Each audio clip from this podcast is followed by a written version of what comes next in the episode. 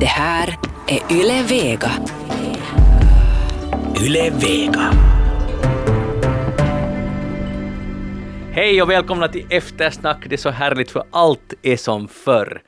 Ja- Eller en sak är inte som förr, men jag ska just avslöja vad det är. Men Jeanette Björkqvist, du är med här i studion. Välkommen! Eh, gracias. Ah, Ska vi, går det på spanska nu hela sändningen? Si. si. Nå, nu vet jag, Hola. jag råkar veta att du inte kommer att klara i många sekunder Men det till. tog slut här. Ja. Men det som inte är som förr, det är det att det har, något har hänt med ditt face. Eller Ja, din man kan titta på Twitter. Ja, kan man också jag har göra det. jobbat hårt i två veckor. Ja. Ja. Hur var det, berätta, alltså vi talar nu om brun, solbrännan helt enkelt. det var hördu fantastiskt varmt. Det var så över 30 grader varje dag. Och sol. Vilken- Varje dag. vilken pina. Varje dag. På mig, kan du förstå? Det brukar regna alltså på mig. Jag har alltså framkallat hagel på någon Kanarieholme. Ja. Det är första gången som det inte har regnat på mig. Aha. Men jag hade nog mycket bättre för jag hade kallt och skönt i Äkäslompolo. Jo. Det, det var jätte, det var minus 15 och det Ja, var men kan vi härligt. prata nu om värme och sol? Nå, om du vill. Det var ljuvligt. men tröttnar du inte på den här eviga solen? Nej, jag tröttnar inte. Däremot tröttnade jag ganska snabbt. Jag kom hem och så var jag jättelycklig för att jag förstod att här hade varit vår. Mm. Och det hade smultit lite på trottoaren och man kunde plötsligt gå så där fast det var lite grus och så här. Och så tog det ett dygn och så började det komma någonting igen. Mm. Och nu är det ju liksom jag känner att fosterlandet har svikit mig i den här väderpolitiken. Det, jag förstår att det är bittert. Men sista frågan, hur många timmar per dag jobbar du med solen? Uh, Nå sådär från ungefär nio till klockan sex. Med lite pauser för att äta och dricka. Vad jo, alltså läser du eller ligger du bara med Nej, slutna man ögon läser. där? Nej, men jag, vet du, jag, jag mediterar. Det gör du inte alls, det tror jag inte en sekund på. Vad gjorde du där? Vad solar? Men på Och sätt- simma. Jag är imponerad. Hade du inga liksom, elektroniska moniker som underhöll Nå, dig? det där, jo, jag hade nog min e-bok, men det där... Men det där och sen hade jag faktiskt en pappersbok som jag läste slut hemskt snabbt. Okej, Och sen satt jag och tittade på människor. Bra. Eller satt inte, utan låg. bra. Vi kommer att komma, återkomma till det här senare. Idag har vi som sidekick Thomas Hanell, forskare. Välkommen med i studion. Tack. Du, det, där, det som nu alla direkt kommer att fråga sig nu i, hemma i stugan, "Nå, vad forskar han i? Så berätta. No, i, I sin korthet välfärdsforskning, välfärdens geografi, livskvalitetsgeografi. Så att, där, I all sin korthet. Ja, det här, nu just så tittar jag på, på, på, på skillnaderna i förväntningar mellan stad och landsbygd i Europa. Ja. Och, och de är ju liksom förväntningarna, stadsborna förväntar sig i Västeuropa mera än landsbygdsborna. Och, och, och så blir nog i och för sig utfallet också, de får ju också på ett sätt mera utav livet, stadsborna, på många fronter, men det blir ändå liksom ett gap där. Och nu tittar jag på det där gapet mellan förväntningar och utfall och hur det påverkar liksom din förnöjsamhet med livet överlag. Okej, men när du talar om förväntningar, vad menar du då? Nu har jag, Konkreta jag har tittat ja, konkreta saker, förväntningar som hänför sig till, till, till makt, till prestige, till pengar, um, um, um, sådana grejer. Alltså sådana här lite så karikerat urbana fenomen. Vill stadsborna ha mera makt än, än de som bor Ni vill ha mera makt och ni har mera makt. Och ni har högre social status. Nu börjar han nia Enligt er själva. Ni är Han, nu... märker du, han gjorde nu en sån här markering att vi är någon och han är, han är den andra. Så- Givetvis, jag är ju en, en, en, en vad heter det, en, en bliven landsortsbo nu för tiden. Du bor i Karis. Jag bor i Karis, ja, Ja. ute på landet. Och där har liksom klimatet varit mittemellan Kuba och Äkäslompolo. Och ingen makt har du där i Karis. Nej, fullständigt makt, maktlös. Min Alltså, fru är ganska sträng. Var placerar sig klimatet om det är någonting mellan, hur många, hade du minus 30 du? Nej, nej, inte 30, kanske 17 som kallast. Och jag hade plus 30 så det är lite- vi är nu där, jo, det har nu varit en sådär 5 och 6 grader där i Karis. Det är också bra. Förrän det börjar snöa. Jag heter Magnus Lundén. Programmet är alltså Eftersnack. Vi ska tala om veckan som gått. Och jag vet inte om ni har hört, men regeringen har lämnat in sin avskedsansökan. Vad säger Jo, du? Det, det, Är det sant? Det stämmer, det här är sant. Herregud. Och det var dessutom, eh, jag vill bara, eh, eftersom det var ett historiskt ögonblick på många sätt, så i korthet ta, igen gå igenom vad Sipilä sa när han då höll sin ytterst korta presskonferens som omfattar tre frågor av, av journalistkåren. Men för det fick han hålla en liten monolog där han berättade då att en, det har vi redan lärt oss, att det är en enorm besvikelse. Den här reformen har förberetts i tiotals år. Men det här var det intressant att han sa helt enkelt att han kom in till politiken för att få Finland i skick, sätta liksom, få ordning på det här. Och han har faktiskt lyckats, eller de har lyckats skapa jobb för finländare och de har stävjat skuldsättningen. Men vi har också gjort, begått misstag, sa han. Det är ganska häpnadsväckande att Sipilä säger det. Och jag är principernas man, man måste ha ansvar. Och jag lyssnade på min inre röst och kom fram till att vi måste be om avsked för den här regeringen. Då ska jag fråga er, hur ofta lyssnar ni på er inre röst och tar ansvar? Tycker du Jeanette själv att du är en sån? Så här på kvinnodagen, kan du reflektera över det? Det där, jag tycker att jag bär ansvar och lyssnar på min inre röst kanske med ännu känsligare öra än, än Juha Sipilä. Oj då, det var mycket sagt. Men när har du senast agerat enligt din inre röst? Nå vet du, det kan jag inte komma ihåg. Men jag vill det där nu säga att den här oppositionen, om man ska tro på dem, så de säger ju att det här var alltså klart, det här lägren i, princip alltså för ett år sedan, att det är så här det kommer att sluta för den här reformen. Mm. Och, det där, och då var det ju diskussion om det här att ska regeringen falla. Men då, då talar inte hans inre röst tydligen ännu, för att han satt nu kvar till då alldeles en väldigt kort tid innan valet. Jag tänker att det var just så. Så konstigt. Då har han satt på volymen på inre rösten. Ja. Hur är det Thomas? Inre rösten, talar den till dig någon gång? Den viskar så tyst att jag brukar inte höra den. Aha, du stänger av den helt ja, enkelt. Nej, den, den, jag brukar fråga vad säger du, men så hör jag inte vad den säger. Aha. Men nu i det här fallet så, så, så, så skulle den nog ha talat med en, en klar och tydlig stämma. Tror du den skulle ha talat tidigare? Eh, den skulle säkert ha talat min inre röst redan för ett år sedan eller sådär. Men det har ju lite att göra med den här makten, ser du, när du sa nu om stadsborna och Sipilä är ju nu för tiden stadsbo då. Kanske han har varit det alltid, nej inte alltid, men i alla fall och, och då, inte det är så lätt att släppa ifrån sig makten och nu måste han det var ju egentligen nog, om man tänker på nästa val, enda rätta så att säga, att släppa det nu. Så kan han, som det konstateras här, Sixten Korkman sa här i nyhetssändningen, att då kan man gå in i valkampanjen som om man inte skulle ha haft regeringsansvar här. Eller bara ta fram de där goda sidorna. Och han passar ju nog på att det där säga att den här, den här landskapsmodellen, alltså det har ju då stått mellan den och den här, de här samlingspartiets, den här eh, fria marknaden. Mm. Och han passar ju på att säga att där har det aldrig funnits oklarheter. Nej. Så nu kan han fortsätta alltså mässa om sin landskapsmodell här under valrörelsen. Men Thomas, tycker du det var bra att, att uh, vårreformen nu föll? Eh, jo, nu skulle jag säga det. Jag menar de signalerna som har kommit från grundlagsutskottet här över en längre period har ju nog varit av den, den kalibern att det skulle ju vara liksom ansvarslöst och, och, och demokratividrigt på ett sätt att liksom gå mot grundlagen. Så att, tycker jag, jag däremot så, så, så, så tycker jag att det här är ju nog liksom fräckt att man nu just så här försöker rentvå. Det är en Pontius Pilatus eh, upp i dagen det här som försöker rentvå sig liksom. Och så får man ju liksom bekvämt nog också nu tid att göra valkampanj. Det, det, för det har ju varit liksom ett, ett, ett konkret problem att de, när den skulle bankas igenom med våld, det har upptagit de här människornas all tid. De har inte hunnit göra någon kampanj. Och det där, nu, nu, får, nu finns det tid sen då för att, att, köta en interimregering är liksom ju inte eh, på intet sätt liksom, eh, lika betungande som, som, som, som att ha ett riktigt ansvar. Mm.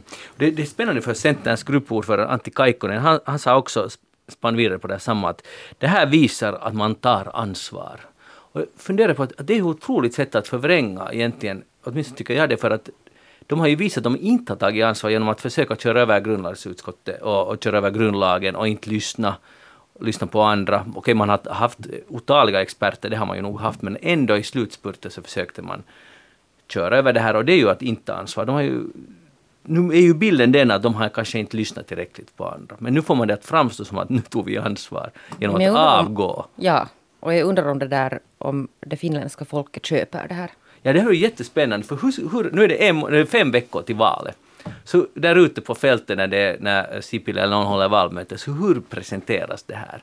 Att, de, att, liksom att blir det grund, grundlagsutskottets fel, eller vems fel blir allt det här? Hur, ska- hur ska Centern... Eller grundlagens. Ja, För att den grundlagens. har de ju nog ganska många gånger slagit här under årens lopp som de har suttit.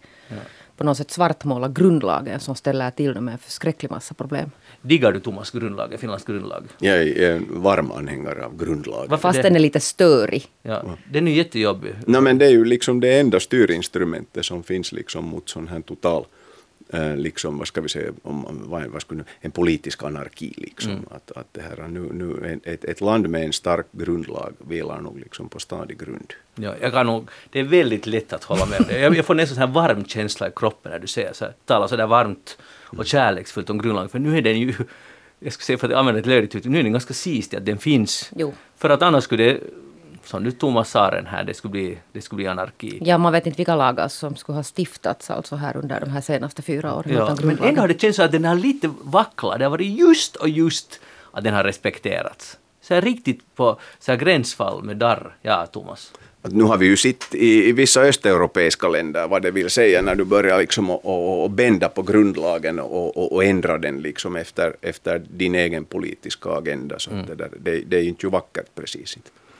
När har vi, Jeanette, när har vi senast haft en sån här, eh, vad ska vi kalla expeditionsregering eller vad man nu ska kalla det? Men det är nu jättelänge sedan och nu har jag inte svaret. Jo, för alla minns ju, speciellt Thomas minns säkert Keijo Liinamas uh, tjänstemannaregering 1975, eller hur? Givetvis, jag Ja. var ju nästan tio år gammal då. Jag var bara jag, två. följde, jag följde ivrigt med, med händelseutvecklingen minut för minut på den tiden. Och det är alltså en, det senaste har varit, alltså det var ett par på 70-talet, men det här var den senaste gången som, alltså mitt i en valperiod, så det blev helt enkelt, de fick, fixade inte det i riksdagen att göra en, skapa en regering och Kekkonen sa, ringde till Keijo och sa att hur skulle det kännas om du skulle bli statsminister, alltså en opolitisk statsminister. Som, och det är ju ganska spännande att man, vem, vems agenda driver man då? För det är ju lite annat, nu är det, de bara sitter ut och det är bara en månad tid, men, men, men då så, så var det alltså All- hela poängen var att du får inte driva någon politik. Och ändå är du statsminister. Men Keijo Liinaman dog redan 1980, tyvärr. Och jag blev bara intresserad av hans öde, för att han var alltså en sån här opolitisk person som ändå skulle leda Finland. Det var ganska spännande. Men det där samma har man ju sett i Italien har de ju haft, alltså Ja, tjänst, tjänstemannaregeringar Ja. som, som det där. Nu har de ju en agenda men, men den, är, den är kanske inte så uttalat politisk utan den kan vara mer då sakbaserad. Nå det där, har du blivit klarare Jeanette nu vem du tänker rösta på i och med den här soppan? Nej men jag var vet du klar redan före det. Var det så? Jo. Är det Men nu har jag vårdreformen? sådär- Alltså är det vårdfrågor som Nej, det är val? massa andra saker det där. Men jag har ju suttit nu åt det där bara för att jag tycker att det är så intressant. Jag älskar ju val. Mm. Så titta igenom alla partiers, alla kandidater i hela landet igår. Surfa och titta hur de ser ut och vad de gör och hur gamla de är. Vad, var din, alla vad, vad blev din bild av den här helheten? Jag tycker att det är nog intressant. Alltså, mycket människor som ställer upp, det är ju fint. Mm. Vilken valkrets kände du dig mest hemma i? Nå det där, nu kan det, alltså Nyland är ju ganska intressant. Men jag är ju nu då alltså tillhör Helsingfors och där finns ju också jättemånga. Men sen var jag till exempel, jag tittade på SFP, har ingen i Lappland. Brukar inte de ha någon same där uppe Ja, i Lappland? Ja, ingen. Det var ju dåligt. Eller sen är det någonting som brister i informationen där på deras sidor för att det syntes ingen där. I Uleåborgs valdistrikt hade de en. Okej. Det där, eh, jag vill ännu gå tillbaka till Veronica Rehn-Kivi från SFP. Hon, hon sa ju så här i nyheter alldeles för en stund sedan att vi har spelat teater och inte vetat vart vi är på väg. Det där ämnar ju inte helt att, att skapa förtroende för politiken. Vi har spelat teater och inte vetat vart vi är på väg. Har du Jeanette någon kommentar om det? Att det där, att nu är teater teaterpjäsen slut. Ja, ridån. Ridå. det är allt, ja det är slut nu. Och det som jo, hon sa att det fanns ingen regissör och det är ju inte alls bra när man gör teater. Nej, det är det verkligen inte. Men nu vill jag ju säga att jag lyssnade på hela förmiddagen, alltså så att jag lyssnade på finska Yles direktsändning om det här. Och det är ju inte alltså sådär för att man kan ju bli lite sådär förtvivlad och tänka att är allt det här bortkastat? Mm. Allt detta alltså som har, som har nu vävats här i Tänk vilken arbetsmängd år. som har Jo, men alltså det verkar ju nog finnas någon slags konsensus ändå om att, att inte kommer man att skrota, alltså man kastar inte bort nu allting. Att, att det finns liksom vissa delar som man kan plocka där. Så att, att, att jag hoppas på det sättet att medborgarna inte tappar förtroende. Mm. Men vad är inte problemet om man försöker sätta in två reformer i Jo, ett paket? det var just det som var problemet. Thomas. No, alltså, jag skulle säga om det här att nu enligt Centerns gruppordförande så har ju inte ridån alls gått ner utan det är ju bara kaffepaus nu. Mm. Och, och föreställningen med landskapsmodellen fortsätter ju sen. Och det, det, det vill de ju. Ja, precis. Så att det där, nej men det, det är nu precis som du säger Jeanette, att det har gjorts eh, en helt ofantlig mängd med utredningar som är helt relevanta liksom oberoende av, av, av, av liksom, i sin substans alltså. Så att det, inte det är ju helt bortkastat, men nu kan jag nu lite sympatisera med Veronica Rehn-Kivi, att man är ganska knäckt om man har suttit där liksom i flera år och gått på de här, och man har vetat att det här kommer inte att leda till ett konkret resultat, utan det här är bara liksom en charad. Men, men då kan man säga att om det var så att det var grundlagsvidrigt och, och massa andra problem, så, så var inte det jobbet förgäves, för att nu föll den här lagen. Om inte de skulle ha varit så sega till, i de här utskotten, så skulle det ha gått igenom. Att de, liksom, de som var emot, och så länge de nu haft goda argument, vilket de ju tydligen har haft, så de har varit sega och kämpat och kämpat, säkert sovit dåligt eller inte fått sömn alls för att det har varit så segt. Men till slut så blev det ändå så här. Det är bara synd att, uh, som du Jeanette sa, att det kanske ska kunna ske tidigare. Man ska ha gett upp eller tagit ny fart och försökt nå konsensus över partigränserna, men nu ville de ju inte lyssna på det. Och nu framställs det alltså som så att man tar ansvar när man gör så här. Ganska spännande. Nå, men äh, det blir alltså nytt val. Och det skulle jag fråga Jeanette dig, eller du är kanske fel person att fråga, men när Niinistö, det, det kändes ju lite beklämmande när, när Sipilä kommer där och regeringen tar slut och Niinistö tar emot med två kryckor. Va, va, va, förlåt, men jag måste ha missat det. Vad har hänt med Niinistö? Ingen aning. Han, han gick med två kryckor. Han, han, genomgick han inte någon slags knäoperation? Var det så det Någon var? jag tycker det. Ja, men det såg lite, Finland var lite sådär på fall förstår ni. Ingen regering och presidenten liksom haltar framåt. Men hur tog sig den där Sipilä nu dit? Och de har ju bostäder så där ganska nära varandra. han Men kom med bil för han tog ett... han tog bil. flygplan den här gången. Det, det var inte den där samma drama som Nej. tidigare. Ja. Han, han tog ett Och ingen i bagageluckan. Alltså det är ju säkert den här regeringens största liksom, höjdpunkt, den där bagagelucksincidenten. Så det minns vi alla med glädje. Det där. Men han stod ett sånt vikt steg, för det finns ett foto när Sipilä liksom hoppar upp över någon sån slaskpöl och på väg att träffa Niinistö. Så det, det kommer vi att komma ihåg. Det blev inte flygplan den här gången, men det blev i alla fall så här gick det den här gången och jag tror att det kommer att snackas mycket om det här. Och nu har vi alltså fem veckors valkampanj och visst blir det spännande. det här Ja, blir, det här blir igen. en höjdare. Och det känns inte som fyra år. Eller du sa förra gången att du tycker att det känns som åtta år sedan senast. Ja, ungefär tio kanske. Tio. Har det varit så?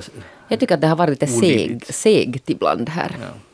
No, men det här visar ju också det att livet går alltid vidare. Vi- Många trodde att det skulle vara en katastrof med den här regeringen och många, det blev kanske för... Ja, och nu ska man säga, Mm. nu ska vi inte bara sitta här och förakta alltså regeringen. De har ju gjort alltså, de har ju fått alltså en hel del alltså bra förändringar till stånd. Kan du säga vil- vilka? Sysselsättningen till exempel och ekonomin lär nu vara alltså på lite bättre, vilket nu inte bara alltså är regeringens förtjänst utan världsekonomin också. Så att vi ska nu inte bara det där. Nej. Det är alltid lätt att vara negativ. Det är alltid lätt att vara negativ och skälla på regeringen med det där. Men de har nu gjort en del saker som jag kanske inte är så nöjd med. Eller ganska många. Men man kan ju berömma världsekonomin. Ja, bra Det är världsekonomi. positivt. Ja, tack världsekonomin. Men nu håller det på att vända igen. ja. Neråt. Jo, men det, då, då kan vi berömma nästa regering istället sen. Precis. Jo. Om Hej. vi ska vara positiva. Tycker du att det här sträng, stäm, stämmer? Vi hoppar nu till ett annat tema. Bakom varje sträng och rigid personlighet döljer sig alltid någonting, ofta ett dubbelliv. Jag upprepar. Bakom varje sträng och rigid personlighet döljer sig alltid någonting, ofta ett dubbelliv. Ja eller nej? Det där, nu måste man ju sätta det här i något perspektiv, alltså Nej. något sammanhang. Nej, du ska bara svara på frågan. Sträng, vad sa du, sträng och rigid? Personlighet. Alltså någon som är jättedef, jättedefinitiv Kan och du ge ett svartvit. exempel? Nå, till exempel om, uh, för att nu är en ganska bra ledtråd det här om, man- om man talar emot att det är jättebra att leva i celibat till exempel, för då visar man Aha. sin kärlek till Gud. Eller, eller, eller fördömer homosexuella. Hur fortsatte den här alltså? Det här var en hel mening. Jo. Det här är vår påve, eller inte vår, men påven som säger så här. Ja. Nå, svara nu på frågan. Nå det där, kanske. Vitsi, alltså, du, är, du borde ställa upp i valet. Det Jag vet, jag skulle vara så olämplig inom politiken så det finns inga, alltså, ingen hejd för det. Ja, Thomas. Thomas, forskaren Thomas förstås analyserar det här. Det här är ett absolut nej. Att det stämmer inte. Nej, du kan inte liksom, bakom varje sträng och rigid person dölja sig ett dubbelliv. Nej, nej, nej. Döljer sig alltid någonting. Ah, Tankestreck, ofta ett dubbelliv. okej, alltid någonting. Men det där ja, men då är alltid det alltså ja, ja förstås. Bak, bakom varje sträng och rigid person döljer sig någonting. De, minst, minst om de är på Kuba så har de skuggan bakom sig. Ja, det finns Ja, alltid så att då, då är det nog, ja, då är det definitivt ja. Ja, no ja, Det, där, det kan inte liksom förnekas. För det är påven som här i veckan, och jag ville tala om det här än, men jag tänkte vi måste vänta till Jeanette här. För att jag har läst om George Pell, den här australiska äh, katolska prästen som har varit en höjdare också för Vatikanstaten. Och han äh, fälldes ju nu i domstol i december i, i Australien, nu först, äh, här för en vecka sedan kom det fram detaljerna, och det är ju horribel läsning. Äh, äh, och framförallt det som in, intresserar mig är det här med dubbelliv. Att man går ut i offentligheten och alltså förnedrar homosexuella och talar att sex överhuvudtaget är något jättefult som vi måste motverka. Och, och han har nu fått liksom den här glädjen och ynnesten att han får leva i ett förhållande liksom med Gud som betyder att han bara visar sin kärlek till Gud och, avhåller sig från sex. Att det är liksom en, med tacksamhet han tar emot det. Samtidigt har han under, uppenbarligen under hela livet eh, uh, utnyttjat pojkar sexuellt jättebrutalt som har skapat trauma för de här killarna hela livet. Och det, här, det är det här jag vill komma åt, att, att allt, man måste vara lite försiktig och hålla lite med påven. Att sådana som är så här extremt principfasta. Så det är lite, det kan vara lite misstänksamt. Jag menar inte att man, man är en sexualförbrytare, men det är någonting att om man är sådär definitiv, och jag vill nu diskutera med det här med er, tycker ni att ska man bli misstänksam med någon som har extremt hårda principer, oberoende vad det nu handlar om? Det där, jag har själv lite svårt sådär, men det är liksom min personliga sak att, att för sådana här väldigt absoluta människor, alltså oberoende av vad det gäller, att om man är väldigt så här. Mm. För, att, för att till exempel så är det lite svårt ibland att diskutera med sådana människor. Och då talar jag nog om, om andra saker förstås än, Jo, jo. än sån här. Men det där, men det där, det är ju inte första gången man, man säger det här. Att just särskilt till exempel inom katolska kyrkan där man gärna mässar om det här med celibat och, och, och mot homosexualitet och mot en massa andra saker. Så har det ju visat sig att där har funnits jättemycket problem. Mm. Blir du misstänksam med principfasta människor? Principfast är lite liksom kanske för milt. Jag vet, för, ja, för, att, för att, jag tycker liksom att det är ju ganska fint med principfasta människor, om man tycker om de där principerna. Ja. Men, men det är ju det, samtidigt är det lite tråkigt också. Jag kan ju själv vara lite överdrivet princip, att det här, så här är det. Och, och jag tycker att man borde lite släppa det där, för det, inte är saker någonsin så här svartvitt. Men förlåt, Thomas. Ja, alltså, jag ser ju det kanske snarare ur den synvinkeln då att, att om du har liksom jättestarka åsikter eh, så, så brukar det ofta visa sig att de åsikterna inte baserar sig liksom på något faktiskt utan de är bara en åsikt. Och då blir man ju lite, lite om jag citerar kyrkoherden i Ekenäs, med, med den säkerhet som okunskap alltid medför. Liksom. Det, och, och, och, och det är ett bra uttryck. Och, man märker ju lite på sig själv också. Jag kan ju vara lika bässe själv någon gång att jag, jag har en jättefast åsikt om någonting. Men egentligen vet jag ingenting om den där saken. Och sen när du börjar liksom, och det finns ju alltid två synsätt åtminstone. Och jag brukar någon gång tänka framför mig att om, om jag står på, på, på en sandplan och så ritar jag siffran 9 framför mig och så ställer sig någon annan på andra sidan den där nian. Och så, så står jag principfast och säger att det är nia. Och den här andra människan säger nej det är siffran 6. Att, att det är ju liksom så här, den här har jag, det är sån här min sinnebild har jag framför mig. Liksom, att, att försöka komma ihåg att, att det, det är nog ytterst sällan i, i, i, i, i saker som inte berör liksom naturvetenskap som, som du kan säga någonting helt definitivt. Det är ju en bra lärdom, Jeanette. Ja, Att gå igenom livet där har du någonting att lära dig av något. Ja, jag, du. jag ska tänka nu på den där fotbollsplanen lite oftare.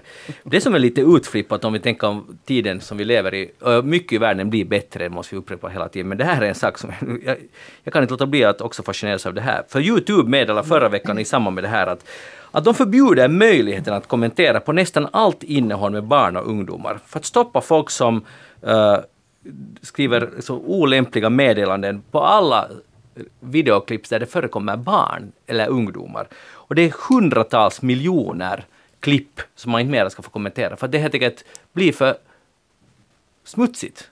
Bara för att det förekommer barn eller ung, ungdomar i de där klipperna så blir, spårar de här diskussionerna ur. Och det här är ju helt... Alltså, hur fan är det här möjligt?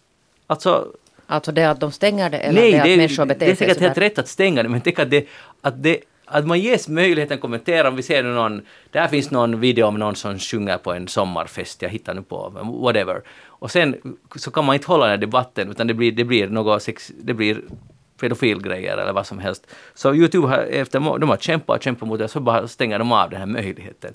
Så nu är det också lite konstigt, att man kan inte, mer, man kan inte kommentera om det finns barn och ungdomar med i de här videoklippen. Tähän ollaan tultu. Ja, här är vi nu Thomas. Blir världen sämre?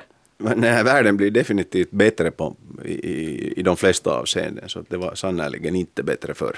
Nej. Men, men det här, jag kan inte egentligen, jag vet ju ingenting om det där. Så här intuitivt så tycker jag det verkar lite slumpmässigt. Att varför ska du då inte få kommentera bara när det gäller barn? Det är helt okej då om om Jeanette går och sjunger på sommarfest så kan jag skriva något fula inlägg om dig då sen på Youtube. Mm, sant. Vi får se, kanske Youtube snart förbjuder all kommentering. Och det No, det skulle ju vara, liksom, det skulle vara re, rejälare på många sätt. Alltså, Mm. på, liksom, att då, Och sen måste jag säga att jag tycker att det är sån intressant alltså prejudikat det här att Youtube går ut och gör det här. Mm.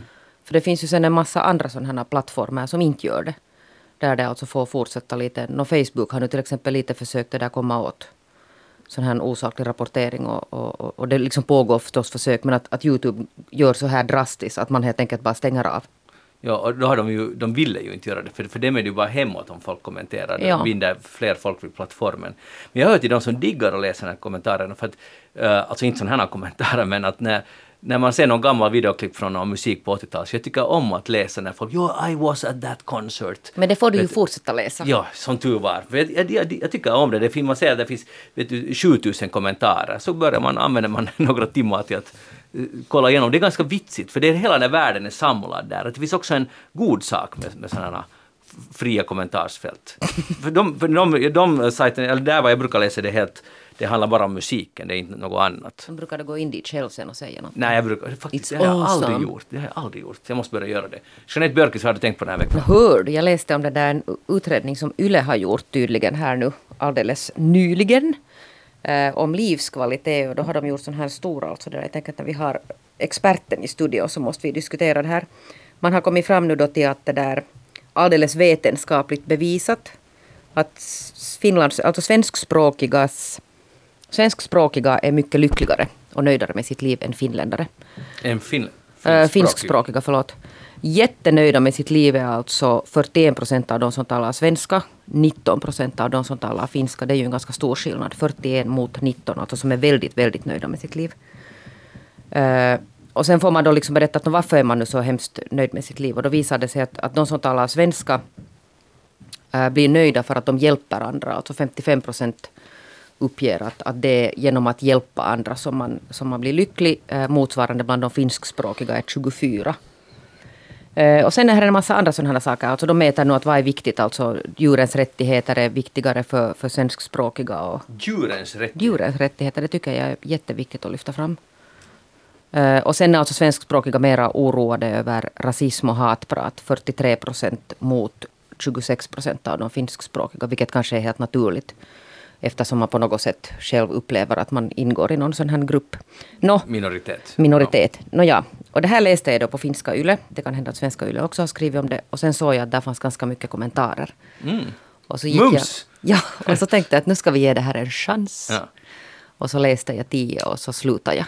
Oj, så det var inte... Det tog inte jättelänge alltså det där innan, innan analysen var där att varför finlandssvenskar egentligen är så lyckliga är för att de trycker ner då 96 procent av den övriga befolkningen och tvingar dem att tala svenska. Så tänkte jag att vi lämnar det här nu det här. Men nu tycker jag vi ska ta det argumentet på allvar. Kan det ligga någonting i det? Att vi är lyckligare för, För, att, vi får förtrycka för majoriteten? att vi får förtrycka. Nej, det, på något sätt känner jag att inte kanske. Skulle det kunna stämma? Nej, jag tror I inte. Sydafrika så var det ju så. Ja. Men, Men men, där- vi har det- inte så många likheter med Nej, jag Sydafrika. tänkte ju säga att just det förtrycket, alltså hur man gjorde det där är ju kanske inte riktigt på den nivå. Nej, men menar att, va, va, vilket förtryck talar de om? om? Språkförtrycket förstås, Ja, för, att, för att man tvingar alltså alla att läsa svenska. Just det. Och, Och då förtrycker man lyckliga. majoriteten och så blir vi lyckliga av det. Och det hade ingenting att göra alltså med det här att man till exempel hjälper andra eller något sånt här, eller tänker på andra eller är med i liksom körer och all möjlig så här sociala aktiviteter. Ganska sjuk analys, måste jag nog säga. Thomas, hur, vad, vad, är- vad är din analys? Kan det här stämma? Min, alltså det här, ja, absolut. Det här kan stämma. Och det här stämmer. Det är inte första gången man kommer med sådana här. Och också de här slutsatserna, varför det är så, så, så stämmer antagligen också. För att, för att just sån här altruism, eh, att hjälpa andra människor, om, om, om det sker eh, på en sån nivå som är lämplig för dig själv, alltså varken för lite eller för mycket, utan just det som är bra. Så det höjer både på din, på din eh, allmänna livsförnöjsamhet och på din, din lycklighet. Så att det där, eh, eh, det stämmer. Och sen är det ju det, nu har inte jag läst den här, tyvärr, den här, den här YLE, men jag ska göra det. Men, men, men det, finns ju, eh, det finns ju också det här att, att, att liksom de här sociala nätverken och, vännerna och, och, och, all den här samhörigheten är ju liksom eh, eh, några, några grader högre bland finlandssvenskar. Och det, för, det förklarar ju då inte bara deras lycka och förnöjsamhet, utan det, det är ju helt konkret också att, att, att det, det är en orsak varför de lever längre och är friskare.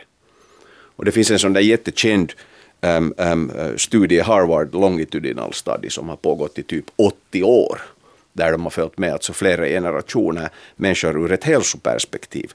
Och då är det nog så att, att ensamhet är liksom lika skadligt som, som alkoholism för din hälsa till exempel. Mm. Det, det, det, finns, det, det är fullständigt odiskutabla vetenskapliga belägg för det här. Så att, jo, jag kan, jag kan liksom, eh, jag känner igen det här, helt klart. Så. Men, men kan för jag är lite skeptisk, för kan det faktiskt vara så att man kan säga att finlandssvenskar är lyckligare, eller råkar det sig som så då att det bor fler finlandssvenskar till exempel i mindre städer där gemenskapen är större. Ja, du får just, att, skulle det kunna vara det att, att om man skulle jämföra ta 6 procent med samma, uh, eller 5 procent, 5,5 procent med samma demografiska, jag, och samma profil, men de ska vara finskspråkiga, och jämföra sig med fin, finlandssvenskar, förstår ni vad jag menar? Ja. Att skulle det då vara jämnt spel, jämnt skägg?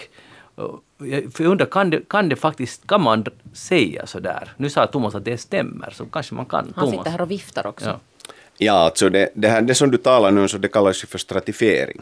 Alltså att man väger det här samplet så att det ska motsvara liksom. Och då beaktar man typiskt, nu har jag inte sett den här yle, men jag skulle kunna gissa att de att, att, åtminstone tittar på folks inkomst, kön, utbildningsgrad, vad de jobbar med ähm, ähm, och familjeförhållanden, eller om de bor tillsammans eller ensam, och, och sen det här eh, bostadsort ortstyp, liten ort eller så stora. Och all, all den här effekten liksom rensas bort ur de här resultaten.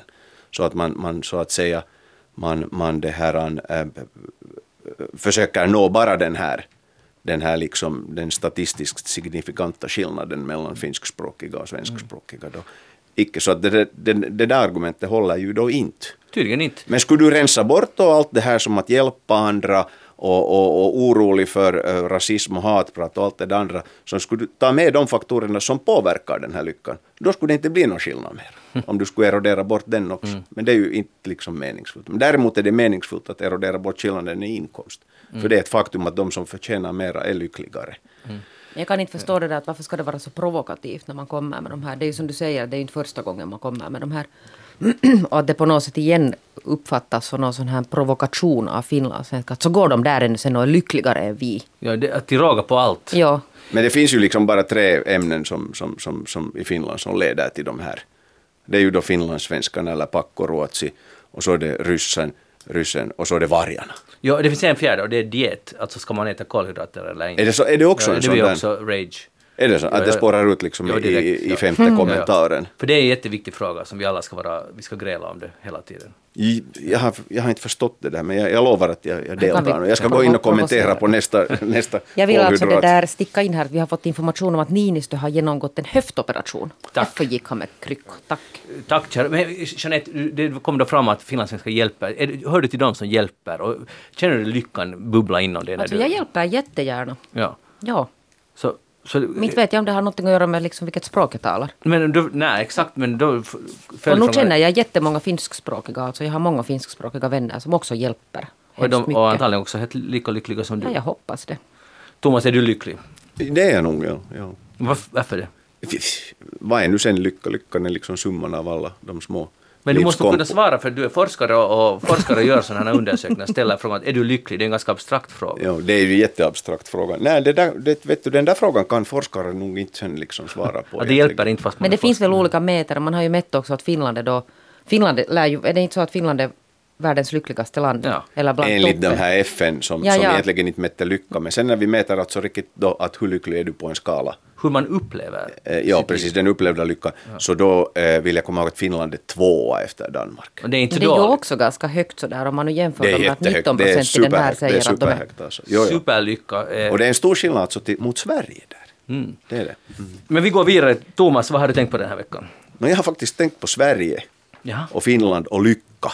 okej. För att eh, nu var det här för, för några veckor sedan så, så, så var det en, en artikel som faktiskt hör till de mest lästa i Svenska Dagbladet. Och rubriken på artikeln lyder Så blev Finland bättre än Sverige på nästan allt. Och eh, eh, det här är ju liksom inte någonting som, jag har bott i två etapper i Sverige och det här var ju inte sånt som man hörde, hörde där då. Att finländarna är inte bara världens lyckligaste folk, de är godast också. Vi gör ju mest goodwill då runt om jorden och vår polis och skola och sjukvård är bättre än svenskarnas. Så, och, och hur har det liksom gått så här? Frågar de sig i den här artikeln. Men sen kommer ju det här, och då, då blev jag liksom orolig att nu är det något som har hänt i Sverige. Men sen, sen, sen där mot slutet så, så kom det ändå sen att och kanske vi till och med kan lära oss något. Kanske, Mm, kanske. märk väl. Till och med kan lära oss något. Men kommer det här att ske nu, att svenskarna lär sig? Nej. Nej. Hur kan du veta det? No, nej, jag kan inte. ve- Jag kan inte. Med den, den, den, säkerhet som okunskap alltid medför så säger jag att, att, att högst antagligen inte. Man har ju då liksom inte vilja ta lärdomar av finska skolan till exempel, fast man har vetat i, i 15, ja snart i 20 års tid att, att det, det finns liksom att, att vi gör saker bättre här. Men Jeanette, du är en stor, ett stort fan av Sverige. Ja. ja. Vad ser du när det publiceras sånt här?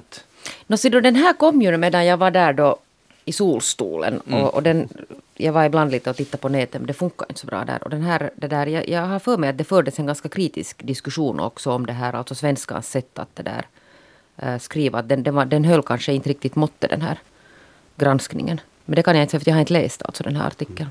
Men nu är det ju tre, du tycker ändå att det är helt roligt att, att för, för nu har vi ju vuxit upp med det att, med tankegången att allt är lite bättre i Sverige. Och ibland också mycket bättre. Så det är trevligt att det går lite åt andra hållet ibland. Att nu, ja, det gör alltså helt det gott för svenskarna också. Jo, det, är jätte, det gör jättegott åt dem och det där och det gör jättegott åt oss. Men sen måste jag nog säga att sen när man far dit till Sverige så nog känner jag ju på något sätt ändå att det är ganska sådär positivt och optimistiskt. Hela det, det känns ibland som att det är lite lättare att andas där. Men är du, kan är, du, hända är vi du i liksom- Sverige eller åker du till Stockholm? Nej, jag är ju i Sverige, Malmö särskilt alltså. Jätte, Eller, fast nåja, är du i Sverige eller åker du till. Malmö, Stockholm eller Göteborg? Vi säger så då. Ja, eller Göteborg. Men, Men- att men liksom, det är något helt helt- annat när du far ut alltså i Nå, på bygderna. landsbygden, det är klart att det är annorlunda. Det är ju där som alltså det kommer en massa missnöjes sådana yttringar om.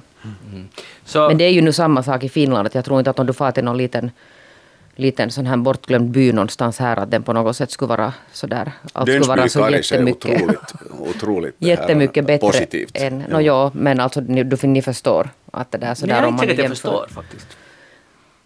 Att den här alltså en, en sån här bortglömd ort i Sverige skulle på något, alltså Nej, i Finland i Finland skulle vara gladare och lyckligare och liksom bättre på alla sätt än en motsvarande i Sverige. Det tror jag ju inte. No, nej. Men no, jag undrar bara... Men det handlar ju alltså mer om det här samhällssystemet vad jag nu förstår den här granskningen. Men i alla fall positivt att nu Finland får sån här, att grannlandet märker oss. Nu det känns det ju gott. Det kanske det gör oss lyckligare, också de finskspråkiga. Att, vet, att man behöver inte vara pärta sig tiden, att allt Mitt vet jag, alltså i mitt huvud så snurrar, om ni har sett den här nu, den här fantastiska ljuvliga nya serien på Yle, den här MS, vad heter den, MS Romantica. Ah. Har ni tittat på Nej. den här? Ja, den är ju underbar. Alltså det handlar om livet på, eh, alltså en dag på en Sverigebåt. Va? Och det rekommenderar jag nu alltså verkligen varmt åt alla. Det är bara fyra avsnitt, de finns på arenan. Och där är alltså det där eh, ett svenskt sån här brudparsfölje och så är det där ett finskt brudparsfölje. Du måste Magnus titta på det här. Det är absolut. alltså sån här verkligt liv på. Och, och det ska ni titta på så ska ni se hur, de det, där, hur det här finska gänget hanterar det här svenska. Jag tänker För att det på det. tycker jag att det är mera kanske sådär symboliskt hur jag tycker att vi Okej. beter oss. Hej, har du fått blommor idag på kvinnodagen? Nej. Och jag har läst på sommar att inte ska jag ha heller något. Vad ska du inte ha? Nej, det, det är en kränkning att få blommor för att det, det var något mycket större betydelse det här. Är det en kränkning att få Och det var någon som nu hade spridit Alltså jag hade sån här- tänkt nu efter det här programmet gå via min lokala blomsterhandel och köpa. Men då ska jag då inte göra det. Nej, det tycker jag att du kan göra om du vill. Jag åt får. din fru. Ja, ja. Hur, gör, hur tänker du Thomas lösa det här problemet? Alltså det är ju liksom en kränkning att man bara får en dag om året. Utan man ska ju då få Nej, men det var någonting 365 med det här- dagar om året. Jo, men nu har jag, så, jag har så, nu fått så lära borde mig... jag få blommor. Men, men det här... Nej, men nu har jag fått lära mig att det är det där för att varför man då har kvinnodagen är för att påvisa en massa alltså problem som hänger ihop med det här med, med, med kvinnor. Och då blir det plötsligt konstigt med en blomma. Eller fel. Men jag vill säga att om någon man vill ge en blomma åt sin kvinna så tycker jag att man ska göra det. Ja, det låter som ganska liberalt. Vi, vi kör på det.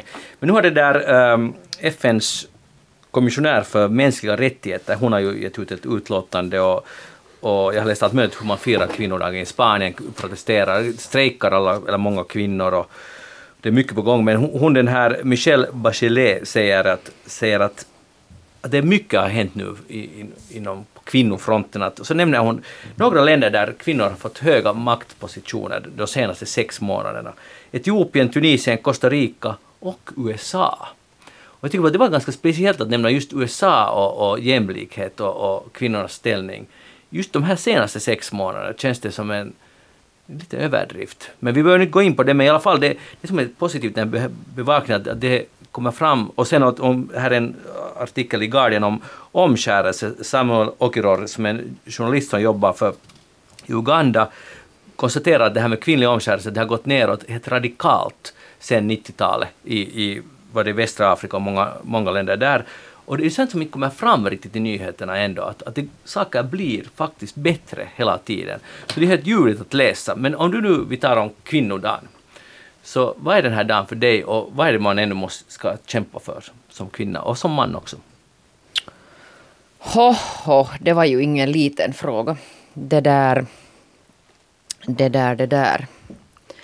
Uh, man får kanske inte säga nu det, men jag tycker ju så där på någon nivå, om man nu jämför då, eftersom jag då har rest ganska mycket i alla möjliga konstiga länder, så vet jag att det, det är nästan svårt att tala alltså om, om finländska kvinnor på samma dag som man talar alltså om vissa kvinnor i, i andra regioner som alltså på riktigt har det riktigt dåligt. Mm.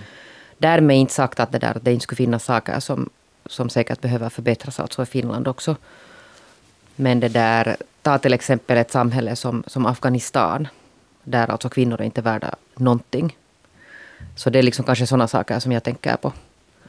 Eller alltså eh, östeuropeiska romers, alltså kvinnornas position där, flickornas position i de kulturerna. Men om vi talar om, om, vi talar om Europa och, och så man kan ju inte liksom undgå att ändå... Det, var, det, var, det sades just här att, att vad kommer vi att vad kommer historieberättelsen, eller historien när man skriver historien om 2010-talet, vad kommer att liksom framträda? Så lyftes det fram att, att det, är inte, det är inte terrorism till exempel, eller krigen, utan det är just kvinnornas frammarsch och jämställdheten som kommer att vara den stora berättelsen. Det är det som har hänt och händer nu. Och, vi, och det, det, går ändå så pass långsamt att vi inte ser det kanske medan det händer, men det är den stora grejen som är på gång nu. Och det är ju ganska fantastiskt om det är så. Tycker du att det stämmer? Att det är... Alltså den där metoo har säkert, alltså någonting, någonting är på gång, det tror jag också. Det kan hända att vi hinner alltså se det till och med. Mm. Thomas? Alltså, jag, jag ser just, just precis som du sa, alltså, det är den här stora narrativet, är, är, är de, de här små kontinuerliga förbättringarna globalt sett alltså. Som är, och det är inte bara, bara liksom då, äh, kvinnornas ställning globalt sett, utan det är också eh, den radikala minskningen av världsfattigdom. Den radikala, de här hänger ihop förstås, alla de här också med kvinnornas.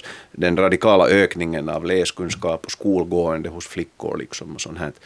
Att det där, då, då han den här bortgångna Hans Rosling predikar ju liksom hårt hårt om de här sakerna, att, att världen blir nog på många sätt liksom en bättre plats. Så att jag tror att den stora berättelsen om, om, om 81 år när de skriver historien, att vad som hände nu är precis just det här, att se hur snabbt världen ändå sen blev liksom bättre. Mm.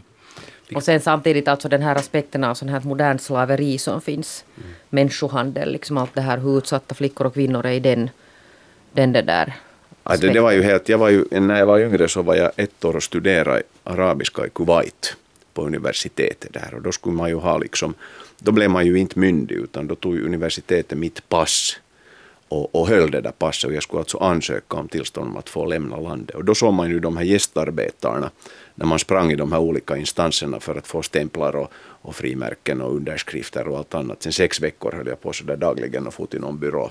Mm. Och, det där. och när de stod de här långa köerna med gästarbetare och så kunde du liksom inte läsa i de lokala tidningarna hur de här människorna, liksom hem, hemhjälpare och annat, till exempel från Filippinerna, det kvinnliga. Det var kvinnliga filippiner där huvudsakligen och manliga från Bangladesh och Pakistan.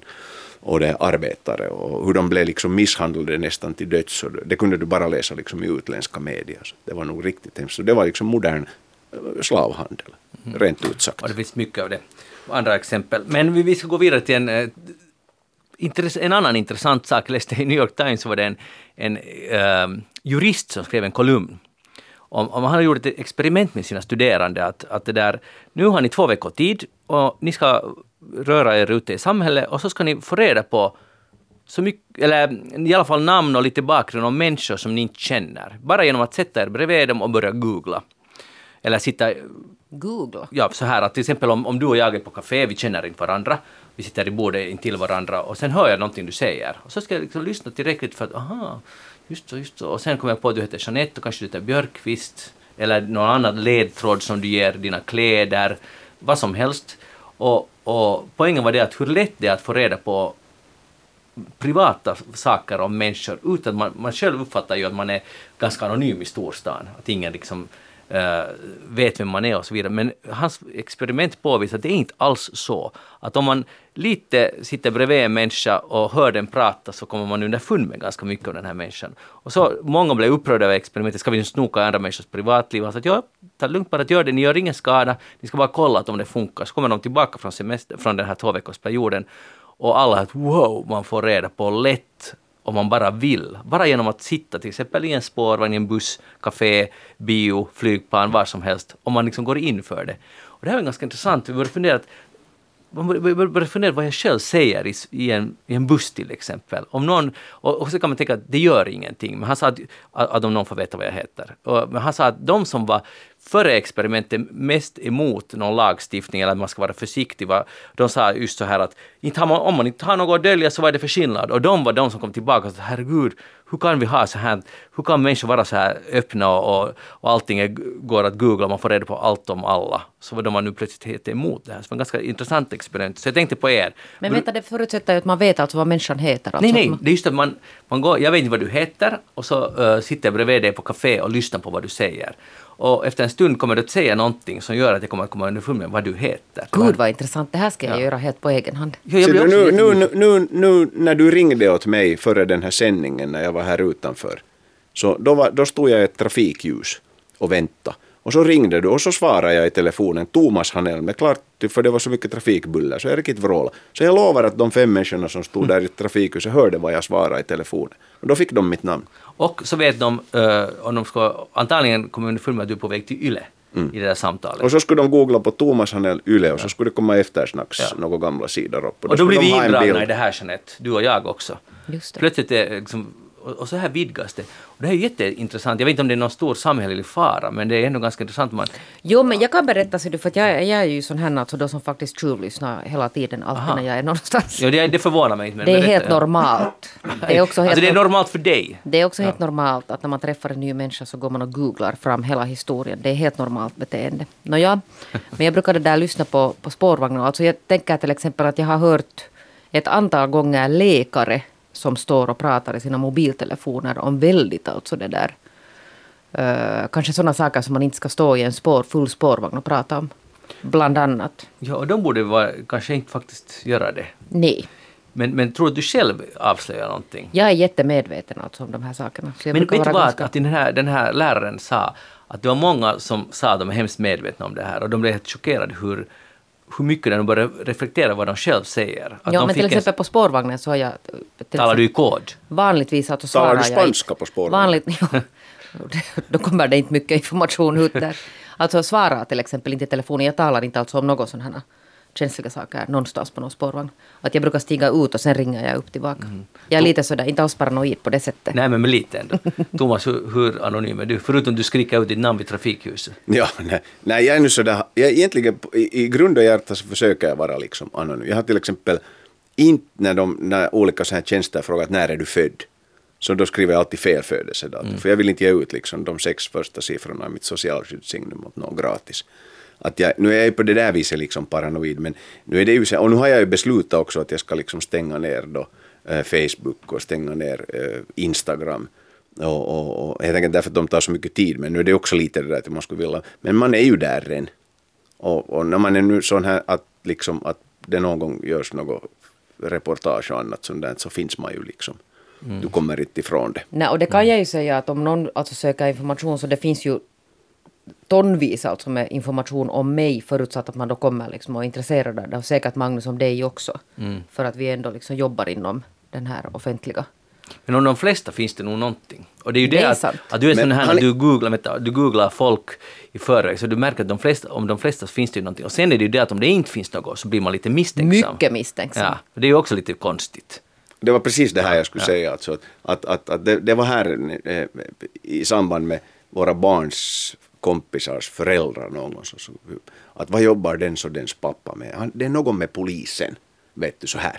Och så börjar man då googla och det finns inte ett spår av en person med det namnet någonstans. Och då blev man just yeah, spionagent.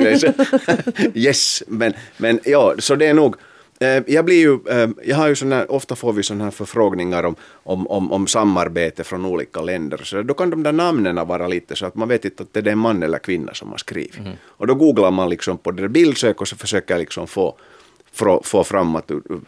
Så, så, så att och, och då kan det liksom vara att man, man, man inte får någonting liksom fram på en. Så då blir man också lite sådär att vad är det för en typ det här egentligen? Att ska vi samarbeta med den här överhuvudtaget? Men på, på tal om att inte ge ut sina uppgifter så uh, jag minns en gång när jag, det var helt nyligen, kanske no, ett år sen, jag skulle checka in på ett hotell i Finland och så, sa han, så fyllde jag inte i de där fyra sista i min personsignum när man skulle skriva den här lappen, vad det nu heter. Den här Ja, hotellkortet. hotellkortet. Så skrev jag, så, så, så gav hon det tillbaka att du måste fylla i det. Så att nej, jag tänker inte fylla i det, jag måste inte fylla i det. Tittade hon på mig så här mycket avmätt, lyfte, öppnade en låda och slog i bordet någon jävla lagtext.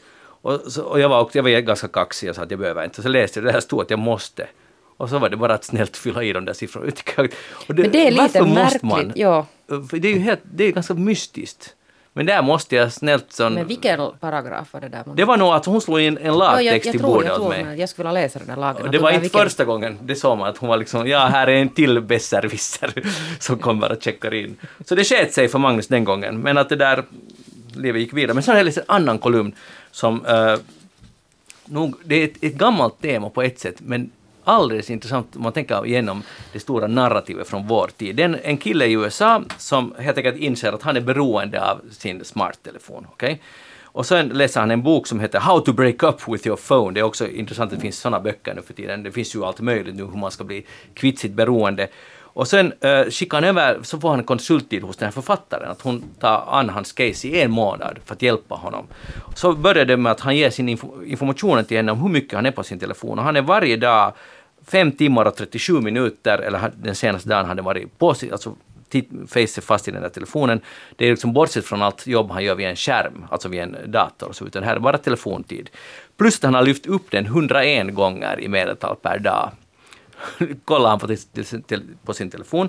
Och så börjar han och, eh, uh, första grejen att han ska sätta ett gummiband runt den här telefonen och där det ska stå en, en lapp eller vad det så att det på skärmen står varje gång han tar fram så, så dyker det upp att varför öppnar du nu telefonen? Vad är det som är på gång? Måste du göra det här?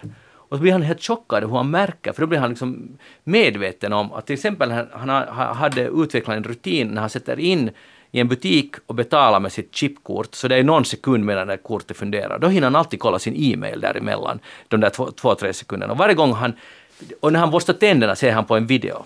Alltså alltid så gör, har han den där.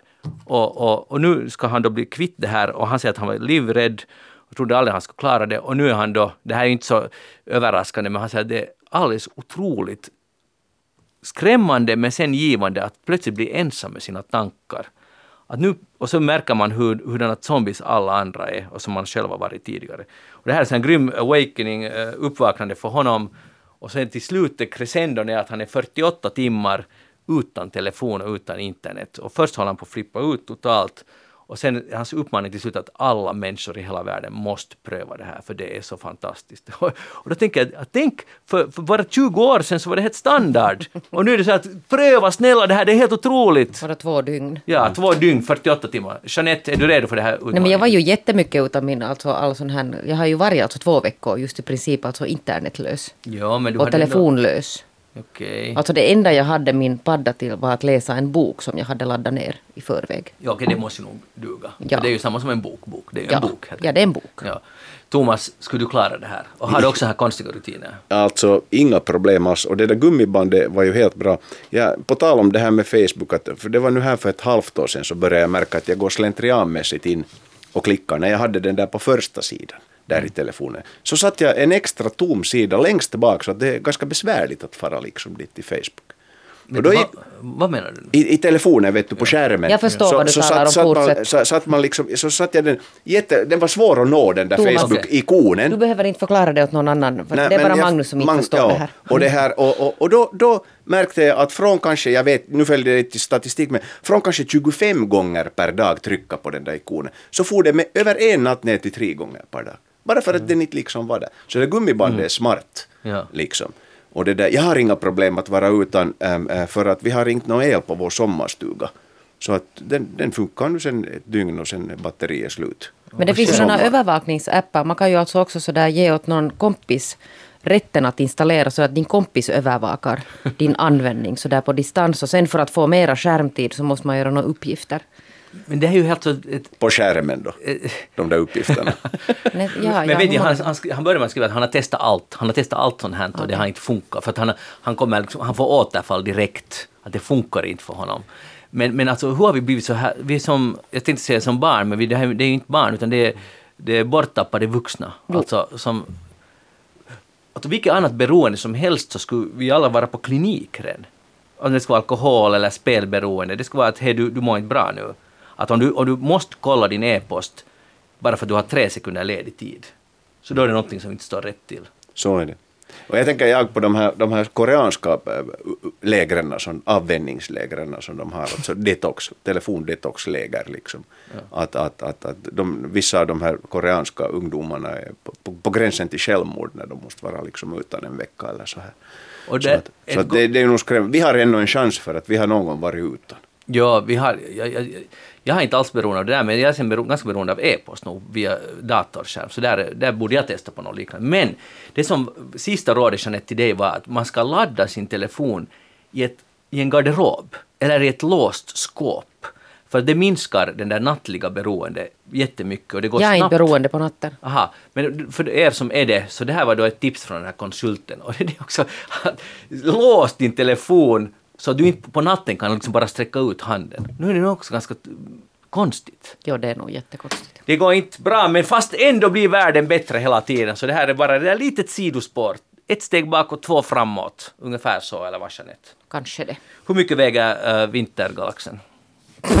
ja, säg i kilo. I kilo? Ja, eller någon enhet som du kommer på. Hur mycket den väger? Ja. Ton? Kan man säga ton? Säg nu om du vill. No, jag säger 300 ton. Vad vet jag? Thomas, forskare. Äh, Ingen aning, men det måste ju vara liksom i, i giga, giga, giga, giga, gigatons gigaton. Ja, för då har forskarna kommit fram till att den väger 1,5 triljoner solmassor och en solmassa är det, det vad solen väger. Aha. Och bara så du vet Jeanette, eh, så är det här NASA som har kommit fram till det här och bara no- en lit, några få procent av det här är planeter. Så då tänkte jag att nu är vår tyngd och våra ords tyngd ganska marginell om man tänker liksom hela perspektivet, eller hur? Nå jo. Till och med här i eftersnack. Jeanette Björkqvist, tack för att du kom hit. Eh, Thomas Hanell, tack för att du kom hit. Jag heter Magnus Lundén. Vetenskapsradion med eftersnack fortsätter igenom en vecka. Vi hörs igen och ni kan gå in på facebook.com eftersnack om ni vill snacka vidare. Hej då och ha det bra.